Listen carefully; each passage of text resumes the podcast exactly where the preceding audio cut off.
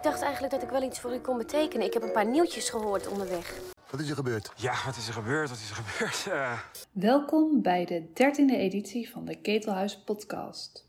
Ook voor regisseur Paul Verhoeven was er langdurig applaus. Kunst en cultuur is essentieel voor het welzijn van mensen. Er is ook maar niemand in het kabinet die dat uh, on on ontkent. Maar de ene hobby is niet beter dan de ander. Maar ik heb niet kunnen ontdekken wat ik redelijkerwijs had kunnen weten of doen om dit te voorkomen. En dat maakt het alleen nog maar verdrietiger.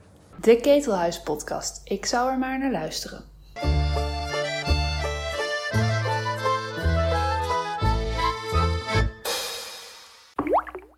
Voor de dertiende editie van de Ketelhuis podcast belt Nico van den Berg weer eens aan bij de filmzolder van Hans Bierenkamp, voormalig film- en televisiecriticus van NRC Handelsblad. Zij gaan op zoek naar, laten we zeggen, het karakter van Paul Verhoeven als filmmaker. Dit mede naar aanleiding van de uitzending van de documentaire Paul Verhoeven en de comeback van Showgirls. Vooraf staan de heren stil bij de dood van de Britse regisseur Michael Apted. Dus op naar de filmzolder van Berenkamp. Straks gaan we het uitgebreid hebben over het werk van Paul Verhoeven. En met name uh, over een film als Showgirls, hoe daar nu decennia later naar wordt gekeken. Uh, we gaan daarop reflecteren hier op de filmzolder bij Hans Bierenkamp. Maar eerst moeten we het even hebben over uh, de dood van een zeer opmerkelijke filmmaker. Britse filmmaker Michael Apted, die onlangs op 79-jarige leeftijd overleed. En vooral heel erg bekend is geworden vanwege zijn Up-project. Uh, om de zeven jaar een, een, groep mensen volgen. Voor mij een van de meest fascinerende filmprojecten uit de recente filmgeschiedenis. Uh, Hans, kan je daar wat over vertellen? Nou, het is in ieder geval iets wat erg school heeft gemaakt. Uh, het idee dat je met film niet alleen een, gedurende een bepaalde gecondenseerde periode mensen volgt, maar dat je dat ook over een groot aantal jaren steeds opnieuw kan doen. Hij is dus begonnen in 1963. Eigenlijk was hij toen alleen nog maar researcher. Uh, maar vanaf het tweede deel, 14 Up, in uh, 1970, heeft hij het ook allemaal geregisseerd. Elke zeven jaar een, een groep uh, Engelse voormalige kinderen gevolgd om te kijken hoe die de rest van hun leven doorbrachten met als geheime, of niet eens zo hele geheime agenda aan te tonen dat de klassenmaatschappij die Engeland is verhindert dat mensen van de ene klasse naar de andere verhuizen. En dat is ook wel een beetje uitgekomen in de, de loop van uh, die steeds weerkerende portretteringen. Uh, het aardige van die serie is dat je dat natuurlijk op heel veel plekken kan toepassen. En er is ook wel wat navolging geweest. Het is een Russische serie geweest, ook met steeds zeven jaar ertussen. Die is vertoond in, ieder geval door de VPRO en ik dacht ook bij, bij ITVA. Uh, we hebben in Nederland natuurlijk Michiel van Erp gehad. Die een, en dat is dan wat je nog het, het vaak ziet, die cruciale leeftijdsperiode van tieners, waar de snelste veranderingen plaatsvinden. Die heeft gemaakt Tijd van je leven. Tussen 2011 en 2018 een groep Utrechtse tieners. En dan elk jaar opnieuw gefilmd hoe het met ze ging. Uh, en ik hoop dat hij dat over een aantal jaren weer doet. En over weer een aantal jaren daarna later, als alle wilde haren zijn uh, afgevallen. En misschien allemaal brave huismoeders en vaders zijn geworden. Maar misschien ook helemaal niet. Kijk, je, het, leuke van zo'n project is dat je gaat erg, je hecht aan die mensen, omdat je ze steeds weer terugziet en je herinnert je van, oh ja, dat was die. God, hoe zou daar nou toch mee gaan? Weet je, hetzelfde idee wat je hebt op een schoolreunie, van dat je gewoon nieuwsgierig bent van, wat is er nou toch van die boelie geworden? Is dat nou een brave tandarts of hoe zit dat? En dan is er ook nog een project geweest in Nederland van Weile Marijke Jongbloed, die een aantal balletdanseressen heeft gevolgd, eerst in 1980. Uh, stap voor stap. Toen in 1992 uh, de, de, volgende stap. En uiteindelijk Dansen voor je leven nog weer 18 jaar later. Ik vind het een hele interessante vorm. En we moeten Michael Apted, die ook hele prachtige andere soorten films heeft gemaakt. Mijn favoriet voor mij is nog altijd zijn eerste speelfilm, The Triple Echo. Prachtig oorlogsdrama met transgender problematiek. Echt fantastisch.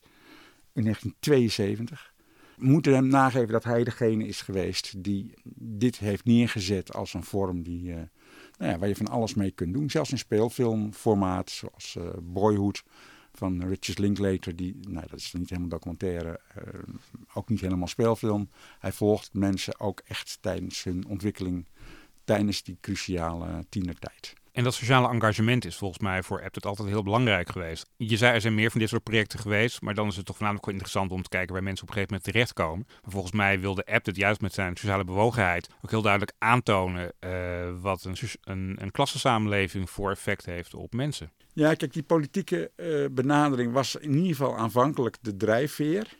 Uh, ik moet wel zeggen dat dat in de loop van de serie steeds minder prominent werd. Want het was wel duidelijk dat dat gewoon klopte. Maar daarnaast was er nog zoveel meer te vertellen.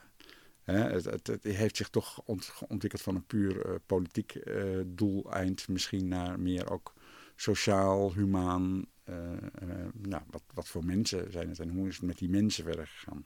Een mooie up zwanenzang voor Michael Apted. If you make a movie that everybody considers as bad and it disappears into no man's land immediately, that's that's much worse, I think, than being glorified for the for the worst movie of the year. Of the year. From the creators of Basic Instinct, the last time they took you to the edge. This time, they're taking you all the way. We take the cash, we cash the check, we show them what they want to see. Showgirls. Leave your inhibitions at the door.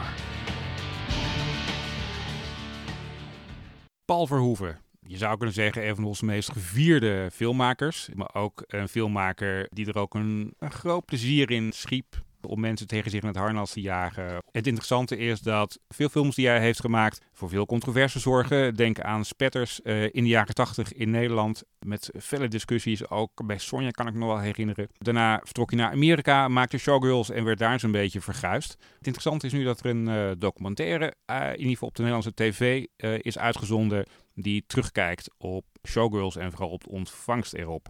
Waarom is dit zo interessant, Hans, om om als voorbeeld te nemen Showgirls als film en als middel en als metafoor eigenlijk ook om naar Paul Verhoeven te kijken en zijn werk. Ja, je zou zeg, kunnen zeggen dat Showgirls uh, in de Amerikaanse carrière van uh, Paul Verhoeven dezelfde functie had als Spetters in Nederland. Ik heb uh, voor deze gelegenheid nog even uit de, de kast hier getrokken mijn map van 15 februari 96 toen de film in Nederland in première ging. En dan, Wat was jouw oordeel toen? De recensie de, toen de, je kop, net had gezien? De kop was Showgirls is de nieuwe Spetters. Wat ik vooral zeg is, Showgirls is niet de hemeltergend slechte intelligentie en gevoel van de toeschouwer beledigende film die de Amerikaanse filmkritiek erin zag. Evenmin overigens als Spetters dat was. Het is wel Verhoevens minst geslaagde Amerikaanse film. Had het toen Hollow Man nog niet gemaakt. En uh, met verontrustend oninteressante en zwakke acteurs en een curieus gebrek aan erotiek. Dat was namelijk ook een van de grappige dingen van Showgirls. Dat iedereen moord en brand liep over het al het bloot. Maar het was totaal niet opwindend. Het was meer een soort mechanische uh, vertoning van, uh, van exploitatie van bloot. Misschien moeten we even in het kort iets Ja. vertellen over de film zelf en over de ontstaansgeschiedenis eh, van Showgirls. Paul Verhoeven was dus in eh, eh, eind jaren tachtig naar Amerika vertrokken. Had daar een, aan, een drietal zeer succesvolle eh, genrefilms gemaakt. Robocop, Total Recall en Basic Instinct. Basic Instinct was geschreven door Joe Esterhaas. En die kwam toen met een project bij Verhoeven wat meteen ook hij heel interessant vond. Namelijk een soort van musical te maken over een meisje dat eh, naar eh, Las Vegas trekt om lapdancer te worden. Eh, haar lichaam gebruikt om hogerop te komen en daarbij naar boven likt en naar beneden trapt. Helemaal conform het mensbeeld ook van Paul Verhoeven over het ultieme opportunisme van veel mensen. Waar overigens niet betekent dat hij het daarmee eens is, maar hij constateert het wel keer op keer. Goed, die film is gemaakt dus. Een beetje de All About Eve van Sleaze. Ik weet niet of iedereen All About Eve kent, maar dat is een film uit eh, eind jaren 40 over eh, haat en nijd en, en, en ambitie in de toneelwereld. Nou, dit is dan haat en nijd en ambitie in de eh, strippers- en lapdancerswereld. Eh, en de Amerikanen die trokken dit dus totaal niet. Eh, die hadden zoiets van, wat krijgen we nou toch? Eh, zo slecht is de wereld niet en zeker Amerika niet. De film werd compleet eh, in de grond geboord. Verhoeven werd zo ongeveer, eh, nou ja, eh, afgeschreven als interessante regisseur. eh. en dat is erg te vergelijken met wat er in Nederland was gebeurd eh 15 jaar eerder met Spetters.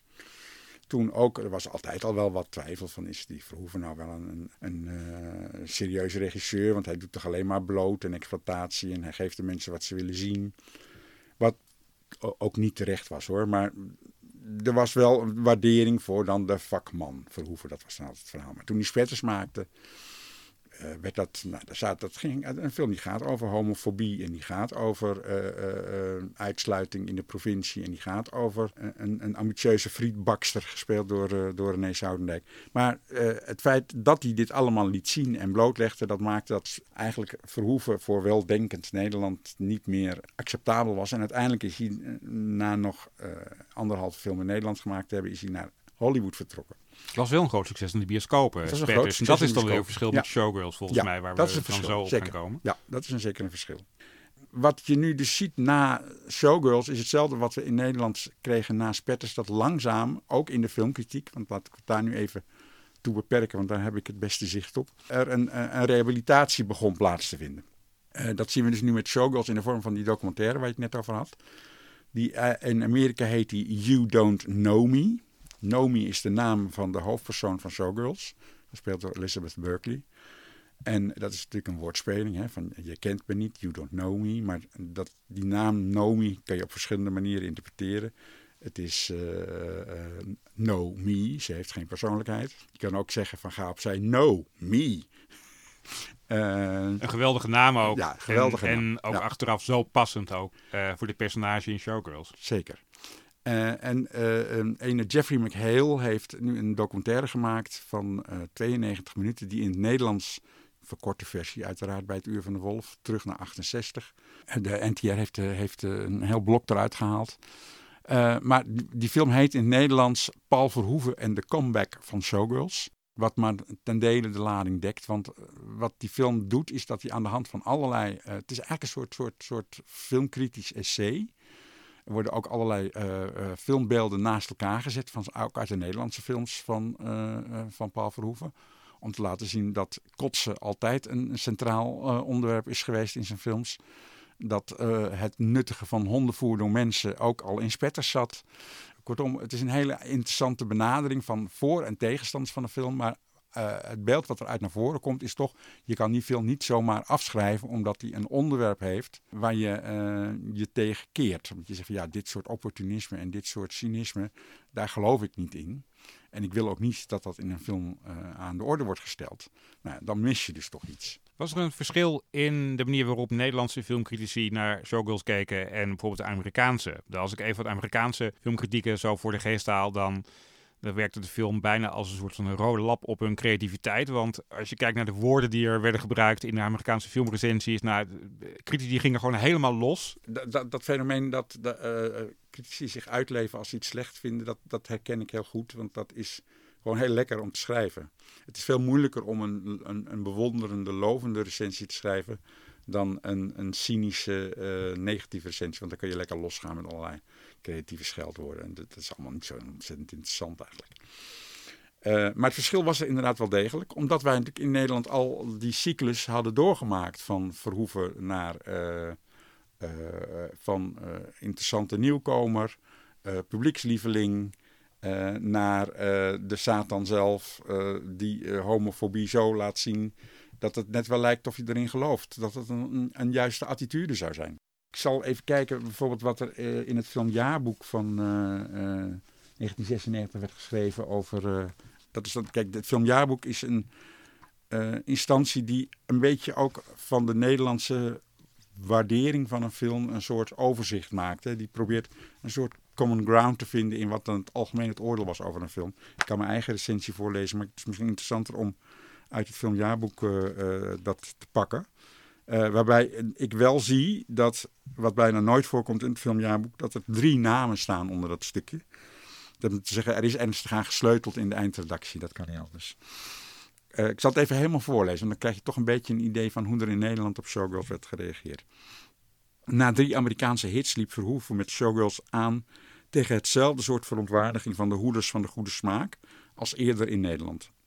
Het Amerikaanse keuringsresultaat NC-17, uh, reclamerestricties en levert dat op, was ingecalculeerd. De vernietigende reacties van pers- en filmbedrijven niet. Zijn groezelige musical, een Verhoeveniaanse variant op All About Eve, gaat over een lapdancer, Berkeley, die in Las Vegas ten koste van alles en iedereen carrière maakt. Van het opgeilen in striptenten tot de sterstatus in een grote casinoshow. Het magere dramatische gegeven leunt dit keer exclusief op de opvatting dat iedereen naar boven likt en naar beneden trapt en kon het Amerikaanse publiek niet bekoren. In Nederland herkende men nu wel voorzichtig, maar met trots, een onbegrepen auteur. Verhoeven was als eerste regisseur sportief zijn Golden Raspberry voor de slechtste film van het jaar eigenhandig in ontvangst te nemen.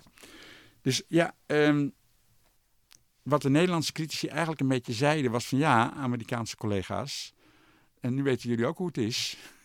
Wij hebben dat ook meegemaakt. Uh, je moet even stoom afblazen en slikken als je iets ziet wat je nog niet eerder uh, uh, zo hebt gezien. Nou, je komt er nog wel weer achter dat dat uiteindelijk misschien toch ook wel een bedoeling heeft. Een beetje een Nederlands domineestoontje ja, eigenlijk. Ja, maar, ja, maar dat zijn critici natuurlijk sowieso. Dat zijn sowieso dominees.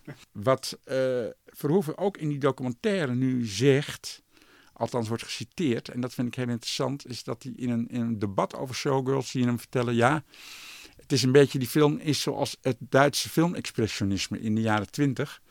Ja, zie, dat heb ik ook maar net verzonnen hoor, maar uh, het maakt een karikatuur van de werkelijkheid. Ik ben niet geïnteresseerd in realistische films. Ik wil films die uh, de werkelijkheid vertellen door het nog verder uit te vergroten. Dus bij mij is seks is niet iets wat je heel aantrekkelijk maakt, maar wat je stileert en een soort karikatuur van maakt. En dat is eigenlijk wel een beetje wat je heel erg ziet in Showgirls. Uh, het is geen lekkere film. Het is geen film waar je naar gaat kijken om een leuke avond te hebben. Het is een film die uh, op een soort abstracte manier uh, een soort karikatuur maakt van menselijke motieven en laagheden, maar ook zwaktes. En, en dat zit vooral in de stijl. Dat is een, een, een, een gestileerde benadering. Waarbij je moet aantekenen dat uh, Paul Verhoeven ook een ontzettende hekel heeft aan alle films die proberen kunstzinnig te zijn. Dus hij denkt wel aan het expressionisme in zijn hoofd als vorm, maar het mag vooral niet daarop lijken. Want hij wil niet dat het, dat het als kunst wordt gezien. Het moet echt wel degelijk gewoon worden gezien als iets wat over de wereld gaat en niet een, een, een laar pour laar benadering. Maar tegelijk heeft hij die film ongelooflijk serieus aangepakt. Uh, als je leest over uh, de uitgebreide research die hij voor de film heeft gedaan. Terwijl het succes van Showgirls zit natuurlijk met name ook in het, in het feit dat het nu als een cultfilm wordt gezien. Dat het wel draait om de, de cheesy dialogen die erin zitten, die natuurlijk door heel veel fans woordelijk kunnen worden nagesproken. Het succes later op DVD. Eigenlijk zit daar een hele grote kloof tussen de manier waarop de film een eigen leven is gaan leiden en de manier waarop Verhoeven er toen naar keek en misschien nog voor een deel nog steeds naar kijkt. Nou, kijk, het zijn een paar dingen. Uh, uh, eerst plaats, uh, die research, dat is correct. dat is een van de weinige dingen die ik echt heb opgestoken uit een recent verschenen boek over Soldaat van Oranje door Bart Jutman. Dat voor de rest niet heel veel nieuwe elementen bevat. Maar wat ik bijvoorbeeld niet wist, is de, de mate waarin Verhoeven en Soeterman hun best hebben gedaan om bij Soldaat van Oranje op basis van allerlei research dingen erin te stoppen die ook allemaal echt gebeurd zijn je zou niet verwachten van mensen die een zo gestileerde, verhoeven die zo gestileerde benadering van de werkelijkheid heeft, dat hij tegelijkertijd zo zijn best doet om zich uh, te documenteren. Nou, dat is bij Showgirls ook, denk ik, dat hij heeft geprobeerd om erg te kijken van hoe zit die wereld in elkaar. Tegelijkertijd is dat natuurlijk een wereld die niet dicht bij de alledaagse werkelijkheid staande wereld is. Las Vegas is natuurlijk al een hyperbool. Is iets wat, wat, wat niks met het gewone leven van de meeste mensen te maken heeft, zal ik maar zeggen.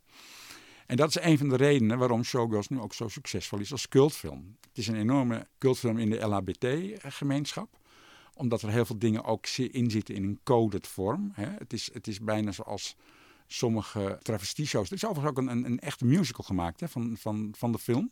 Die wordt opgevoerd in sommige bioscopen na vertoning van de film dat voor een deel ook in travestie uh, scènes uit de film worden nagespeeld. En dat kan je je heel goed voorstellen dat die film daar zeer geschikt voor is. Omdat hij zo over de top is en zo uh, de draak steekt met clichés over menselijk gedrag en, en, en met name seksuele verleiding. heteroseksuele clichés laten zich makkelijk bespotten in, in zo'n vorm. En dan is die film daar ook eigenlijk heel erg geschikt voor om als een soort ja, zou ik zeggen, katalysator te werken voor uh, het ontmaskeren van seksuele clichés. terwijl hij tegelijkertijd daar ook bol van staat. Dat maakt het ook een verschil met een andere cultfilm als The Room bijvoorbeeld. Uh, waar je volgens mij alleen maar om kan lachen, maar waarvoor er niet zo heel veel lagen in zitten. En die zitten er bij Showgirls volgens mij wel in. Je kan er op heel veel verschillende manieren naar kijken. Je kan er als een cultfenomeen naar kijken, maar je kan er ook, je kan ook als een sociologische studie van maken, volgens mij. Zeker van het Amerika uh, van toen. Ja, maar het is ook een, een, een musical met citaten uit, uit van Bob Fosse, citaten van de Busby Berkeley musicals. Het is ook een, een ik zou maar zeggen, een soort uh, celebratie van uh, celebratie van, van, van, van wansmaak. En van, van nou, wansmaak is misschien ook weer een verkeerde woord, maar van iets wat totaal over de top gaat. Van wat, wat niets meer met enige werkelijkheid te maken heeft. Terwijl tegelijkertijd het, het soort bitterheid dat er uitspreekt natuurlijk wel herkend kan worden.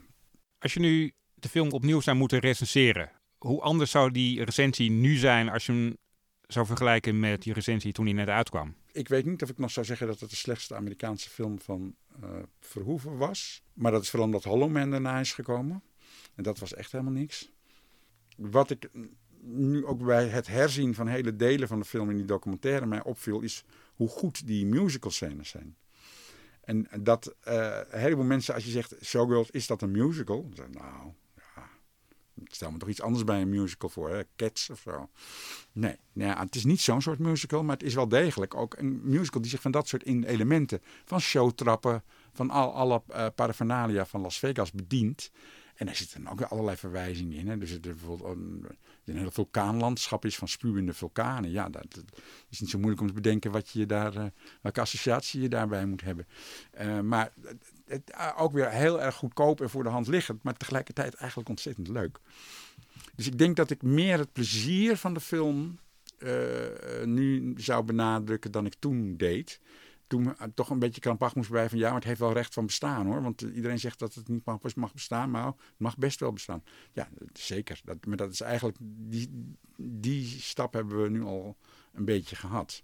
Is het ook te zien eigenlijk als een soort van trendbreuk in het werk ook van Verhoeven? Want films die hij daarna heeft gemaakt, een oorlogsdrama, Zwartboek, wat zwaar psychologisch drama als L het is haast een soort van trendbreuk met films als Starship Troopers en zeker ook haar Showgirls die hij eerder heeft gemaakt. Zou dat komen door de kritiek die Verhoeven op, de, op Showgirls heeft gekregen? Of zie je andere redenen dat hij daarna een ander soort films is gaan maken? Nou, kijk, wat, wat, wat, wat er zelf over zegt, en ik kan me daar wel iets bij voorstellen, is dat hij deels heeft onderschat, voor een ander wist hij dat best wel, uh, hoe gevoelig bloot en seksualiteit in uh, Amerikaanse cultuur ligt dat het toch in wezen nog steeds een behoorlijk Puriteinse cultuur is. Uh, waarin je sommige dingen eigenlijk niet goed kan, kan vertellen. Want geweld kan er heel veel. Uh, dat was dus bij zijn eerste twee films, bij Robocop en Total Recall. Daar zit natuurlijk uh, in bijzonder cynische opvattingen over geweld in. Alles wat Tarantino doet, komt hij weg mee. Basic Instinct begon al een beetje te schuiven. Want de scène die iedereen zich daar natuurlijk ont, onthouden van heeft met Sharon Stone die haar benen over elkaar doet. En, en dit is dus een, uh, voor het eerst dat Verhoeven in Amerika ook uh, seks uh, als hoofdthema neemt. Of seksualiteit als drijfveer, als, als wisselgeld, zou ik maar zeggen, in, in menselijke verhoudingen. En dat is natuurlijk in Amerika, nee, dan moet ik toch, uiteindelijk gaat het toch om liefde bij ondergaande zon. En ik hou van jou en jij van mij. En nou, als iemand dan zo evident laat zien dat dat niet is hoe zij met seksualiteit omgaat, ja, dat is natuurlijk een totaal vloeken in de kerk. En dat is denk ik uh, de grote omslag geweest in zijn uh, oeuvre. Ik moest hier ook denken aan. Uh, we hebben natuurlijk laatst de, in, in Washington de bestorming van het Capitool gehad. Waarbij ook door een aantal commentatoren in Amerika werd gezegd: ja, dit is niet het echte Amerika. Dit is niet waar Amerika voor staat. Terwijl je heel goed zou kunnen verdedigen dat dit juist een uiting is van iets waar Amerika wel voor staat wat Amerika is. Uh, en je zou het in het geval van Showgirls misschien ook zelf kunnen zeggen dat dit te confronterend was. Nou, ik zou zelfs nog een stap verder durven gaan, misschien. Het kenmerk van Amerika is de hypocrisie dat aan de ene kant er een soort wenselijk uh, stelsel van normen en waarden is en wat iedereen nastreeft waarin alles positief is en op groei gericht en vooruitgang en gelijke kansen. En uh, we hebben geen elite hier, want iedereen uh, kan overal uh, terecht. En de werkelijkheid die daar eigenlijk haaks op staat, namelijk dat er wel degelijk een enorme klassenverschillen in Amerika bestaan. En, en dat er net zoveel drugs worden gebruikt en net zoveel gevoost. Misschien nog wel meer dan een heleboel andere culturen. Maar dat dat uit het blikveld moet blijven. Dat er een soort officiële werkelijkheid is en een, een, een, een groezelige echte werkelijkheid. Uh, en, en dat is natuurlijk waar Showgirls heel erg over gaat. Over de, die discrepantie tussen het ideaal en wat het in werkelijkheid is. En dat is dan nog eens een keer drie keer over de kop gedaan in de vormgeving. Ja, en dat is natuurlijk heel erg op het zere been. Als je nou kijkt naar uh, het werk wat Verhoeven in de jaren 80 in Nederland heeft gemaakt en daarna uh, ook in de jaren 90 in Hollywood. Daarna is hij weer teruggegaan naar Europa. Het zijn eigenlijk drie verschillende periodes, ook in zijn, in zijn uh, filmwerk, in zijn filmleven geweest. Met welke Paul Verhoeven heb je zelf het meeste? Waar ben je het meest gefascineerd? Waar kijk je het graag naar? als je je af zou vragen, is Paul Verhoeven nou in wezen een Nederlandse filmer of een Amerikaanse filmer? Hij heeft zelf vaak gezegd hè, dat de Amerikaanse film hem het meest aanspreekt. Hij heeft al een tijdje ook gehad dat hij de Nouvelle vaak volgde. En, maar hij vond uh, Amerikaanse films met, als een, met hun directheid, dat vindt hij toch het, span, het meest energiek. Dan denk ik dat je moet concluderen dat hij ook in Amerika is ge, gestuurd op die muur van hypocrisie van dat de werkelijkheid toch anders in elkaar stak dan de film misschien deed geloven. En dat hij daarom weer terug is gegaan naar Europa, omdat dat zijn, zijn echte sensitiviteit is. Openlijk willen uitkomen voor zwarte motieven, voor zwarte gevoelens, voor doemdenken, zeg maar zeggen. En uh, dan heeft hij ontdekt dat hij in Nederland toch tegen zijn grenzen aanloopt. Zo'n zo zwart boek, dat is eigenlijk een film die te duur is om hem in Nederland te maken. En daardoor is hij nu naar Frankrijk uh, uitgeweken, waar hij eigenlijk zich ook heel goed voelt. Uh, dus ik zou zeggen, voor mij is Paul Verhoeven bovenal een Europese filmer. Iemand die zich ook aansluit bij het Duitse expressionisme, uh, bij de Franse openheid over seksualiteit in films, wat ik altijd heel erg kenmerkend vind. Franse films dat daar niet schijnheilig wordt gedaan over, uh, laten we zeggen, seksueel gedrag. Uh, en de discrepantie tot de idealen die daarover bestaan. En daar, daar, daar, is hij op zijn best. En ik wil niet zeggen dat ik El zijn beste film vind. Hoewel het wel zeker tegen de top aan zit. Ik vind dat echt fantastisch. En ja, wat ik ook een zeer geslaagde en nog steeds onderschatte film vind, is Starship Troopers. Zeker als we nu gezien hebben wat er allemaal nu gebeurt in Amerika. En het fascisme wat daar toch weer zijn lelijke kopje opsteekt. En uh, de manier waarop daar door sommige machthebbers gebruik van wordt gemaakt. Zo, uh, Starship Troopers is, uh, is, is voor op het eerste gezicht is een science fiction film in de verre toekomst. Maar de, de, de uniformen van de jongeren die worden geworven voor de Starship Troopers, dat zijn gewoon nazi-uniformen. Er zitten hele letterlijke citaten uit Leni Riefenstahl in Triumph des Willens. Dus hij laat daar in feite zien het militarisme in Amerika en de manier waarop dat gebruikt wordt door machthebbers Ga maar eens kijken hoe dat in Nazi-Duitsland ging. Nou, dat is ook totaal vloeken in de kerk. Zeker in 1997, toen die film uitkwam, werd dat natuurlijk totaal niet gepikt. En dat, ik vind dat in, in, in, in zijn beheersing van, uh, van technische mogelijkheden, van creatief uh, omgaan met uh, dubbele bodems en met ook toch een politieke boodschap achterlaten, die ook nog eens een keer tot op zekere hoogte voorspellend is gebleken, vind ik dat misschien wel ook een van zijn beste films. Maar je zou misschien kunnen zeggen dat Verhoeven op zijn best is als hij zich omringt weet door mensen die hem of tegenwerken of in een samenleving die misschien bol staat van hypocrisie, hè, waarbij de VS en Nederland in de jaren tachtig wat anders is dan het wat vrijere Frankrijk van nu.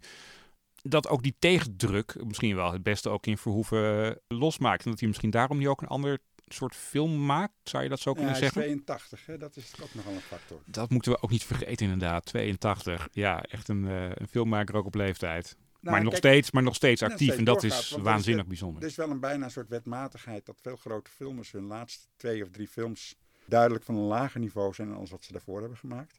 Dat geldt voor Fellini, dat geldt voor Kurosawa, dat geldt voor Hitchcock. En dat heeft dan toch misschien ook te maken met aan de ene kant dat je fysiek minder in staat bent om op top van je kunnen uh, een film te regisseren. Maar het heeft ook te maken met dat, dat heilige moeten en die verontwaardiging en die boosheid en die drive die mensen vaak hebben om uh, films te maken over wat ze wezenlijk beweegt. Hè. Dus bij Hitchcock bijvoorbeeld dat, die katholieke repressie en sadisme. Hè. Of bij, bij, bij, bij Kurosawa het idee van de, de macht en de mens. ja, dat, dat toch dat vuur, dat begint natuurlijk een beetje te doven. Want ja, op een gegeven moment heb je toch een manier gevonden voor jezelf om daarmee om te gaan. En is het niet meer per se noodzakelijk om dat keer op keer in een film tot uitdrukking te brengen. Maar je kunt je afvragen in welke mate nou de films van Verhoeven werkelijk zijn voortgedreven door zijn persoonlijke wereldbeeld hoor. De, rehabilitatie van Paul Verhoeven is in Nederland een beetje begonnen met een artikel in het filmjaarboek 1985 door Alex de Ronde, die als eerste criticus begon te verdedigen dat uh, je spetters toch niet, zomaar kunt afdoen als, uh, als een foute film, omdat het over foute mensen gaat. En, en, en dan citeert hij ook Paul Verhoeven, die zegt dat hij dus niets met kunstfilm te maken wil hebben. En als het gaat over, ja, maar je hebt dan toch een beeld van vrouwen, dat die altijd opportunistisch zijn. Want wat zegt hij dan? Nou, dat is meer Gerard Soeterman, mijn scenario schrijver. Wat ook weer niet klopt, denk ik. Maar... Dat is ook weer te makkelijk, zou je misschien ja, kunnen ook zeggen. weer te makkelijk. Maar het is, uh, ik, ik, denk dat Verhoeven vooral het heel leuk vindt om, als een, hij is van huis uit een wiskundige. Het is een, iemand die speelt met, met, met vormen, met gedachten. En uh, probeert daar een zo goed mogelijke film van te maken. En uh, die vorm is ook heel erg belangrijk. En dat zie je, dat zie je dus in Showgirls bij uitstek. Showgirls is, dan ik zeggen, de meest formele, uh, extreme, abstracte film die Verhoeven ooit gemaakt heeft.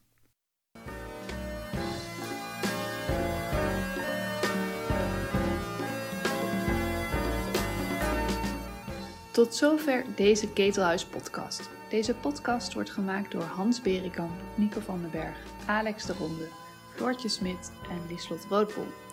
De Ketelhuismelodie werd zo'n 20 jaar geleden gecomponeerd door Sylvia Holstein. Je vindt de Ketelhuis podcast in je favoriete podcast app en natuurlijk op onze website ketelhuis.nl slash podcast. Abonneer je vooral zodat je geen enkele aflevering mist en we vinden het hartstikke leuk als je een reactie achterlaat of wat sterren. Hou ons in de gaten, we zijn snel weer terug met een nieuwe podcast.